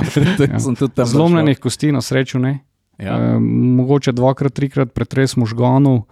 Mogoče, a veš. ne. Ker se ne spomnim. Ja, se ne spomnim točno, koliko je bilo. Ne, ampak je, ja, na srečo ni bilo. No. Tako da lahko so bili zelo, včasih res ne vem, kako se določene stvari nepoškodovano skozi pelo, še posebej. Ko pretiravaš v nekih državah, kot so Mjanmar, pa nočeš jih končati tam v neki bolnici, ne? ampak sem se skozi leta naučil v določenih momentih, malo ok, niti treba v tem momentu zdaj vse na over the limit pokazati, ne? ker se to na sliki ne vidi. Ne? E, tako da sem se skozi leta naučil, da greš čez limit takrat, ko je treba, takrat, ko pa ni treba, pa ni treba. Ja. Jaz sem jih kar dobil idejo, da moramo mi nekaj skapošpičiti. Mhm. Se je, veš, da je rok že nekaj Grem- časa nazaj Jaz predlagal. imam idejo, Imaš Ja? ja? idejo? grem na trumostove, gumeš ga. Pa jaz po ta zadnjem. Ja. to bo bolj To, pa zanimivo. to po- posnet pa na TikTok, da, da bomo Uh, imeli ja, ogled. ja. Da, da, Ja. da tako le naredijo, Ne, tako ne. naprej. Ne, neki, uh, nam skozi težijo za te karmite, da moramo spet kaj organizirati. Mhm. Ker lani se veš, je bila tle norišnica okrog naše pisarne, Mhm. uh, ti si želiš nastopov. Tako da, le, Bomo zaštartali. dajmo, dajmo marinirati idejo. Ja, ne vemo, če si ga lahko prvošmo. Ne vem, v Sloveniji vsi pridajo vedno s tem stavkom. Jaz imam eno dobro idejo in točno vem, kaj Je zelo sledi. slaba. Ne, ne. Jaz sem eno dobro idejo, kaj Ne, je slabo. eh, z tem, da imajo event, pa če bi pridem. Ja, Ja, ja, eh, glej, ker sta tako dobra fanta, bom se nekaj zmenil. Ne? ne drugače pa res bomo zmarinirali eno idejo, kaj bi res lahko naredili kombo uh, avto ali pa kakšno drugo prevozno sredstvo, pa bajk, pa da res nekaj dobrega E, ušpičimo. tam gor na vrhu ne stolpence si že kdaj žgal gume. S prstom kažem, na kvaj žuna tvoja Kristalna palača. Kristalna palača. ne, še ne. Imaš kontakte? Ja. Ciril, Ciril ima. Imam, jaz sem ko, na, na koš metu tam dol. A, Po mojem imam še vedno slovenski rekord. Si trofo? Ja, 20. poskus. Res. Smo, smo rezervirali tri nedelje, od treh popoldne, ko se BTC zapre, za vsak slučaj, s- veš, tudi specifika te lokacije je, da full veter skozi nek, skozi nek prepih. Ja. Pa pa si vas nahajpam, pa prideš gor, pa pogledaš čez rob, pa vidiš, da v bistvu sploh ne vidiš obroča. En, en neki rdeč ga približno nekje in vržem prvo žogo in je šla kar tako, no, 30 metrov, ki je dobila ta Magnusov efekt. Pa, Ja. Če jaz sem prišel prepozno, jaz sem mu tako dal cel dan cajt, veš, Ja. ja. rekel, grem jaz neki pojesti v BTC, Ja. ja. bom, tako se bom prišel pol, kasneje mal pogledat. Prijem pa oni že pospravljajo. Čez pol ure smo pospravljali. Ja. To, je bilo, to je bilo neverjetno. Vlog 800, bomo dali bomo dal pod opis. Ja, v bistvu zbiram eh, eh, odštekane ideje, ja, ker se pripravljam eh, že par mesecev v idejo, pa je le ne morem še najti. Imam neke okvirne za Raiden Slay 3, to je moja pač serija viralnih videov, zadnji je dosegel 50 milijonov ogledov. Uh, in zdaj naslednjo, na prejšnji rundi smo dali gor žago na zadnjo kolo, pravi, Motorna žaga dobesedno. ne? Dobesedno Mhm. 180 konjska. Mm, Narost. E, zdaj, pa, ja, zdaj pa treba neko spet odštekano idejo najti. Tako da ta uh, palača se mi. Kaj misliš, Yes. da bi lahko z motorjem se vertikalno gor po stekleni steni pel? Valjda. Le, če si on kot oliv dol, ve, Če vertikalno, ti, ko to je un- lahko ta dal. akrobat imaš Filip, več konjev. akrobat Filip Kržišnik je rekel, ker smo se dogovarjali več kot mesec pred meti. Je rekel, uh, ok, kul, če pa zadaneš, so pa po fasadi dol spustili. In jaz takrat sem valjda rekel, ja, ja, seveda, itak, ja, pa, klik pa, sem, pa, pa se zgodi, pa zadanem. In jaz tam proslavljam, vas na hajpa, no, ok, zdaj pa dol. Pa jaz rekel, ja, ja, ne, ne, ne, z dvigalom. Drugi gre z dvigalom, ti greš pa po špagi. In pa on tako grem jaz to zavarovati, in pol, veš, on je tako mal uh, na hece, pa to pa on pravi, vse po moje bo, zdaj pa kar pet čez. In pa se z 90 metrov, tako moraš se usedeti gor. Pa veš, kako, kako, pa kako pa zdaj, da grem z obema nogama čez rob, pa tako, kaj da bi šel s konja dol. Jaz tako, aha, v redu. Um, in sem se dol spustil. Tako da mogoče bi pa lahko, veš, neki da te, punk pa pol, ker se BTC je odprt za take nore projekte. Mislim, Okay. A veš, Dajmo. to je pa to, razmišljamo. mečemo rokavice, te vse motoristične in vse. Ja, dobro, dobro. Okay. Ja, prav kva. Vpraš ga. Zadnje vprašanje. Okay. Da nam najprej rekel, kaj bi tvoj prvi avto, kaj bi pa tvoj prvi motor ali moped. Unke si, pa ne unke si ga ukradel. E, misliš, kupil privat, kaj sem si kupil? Ja.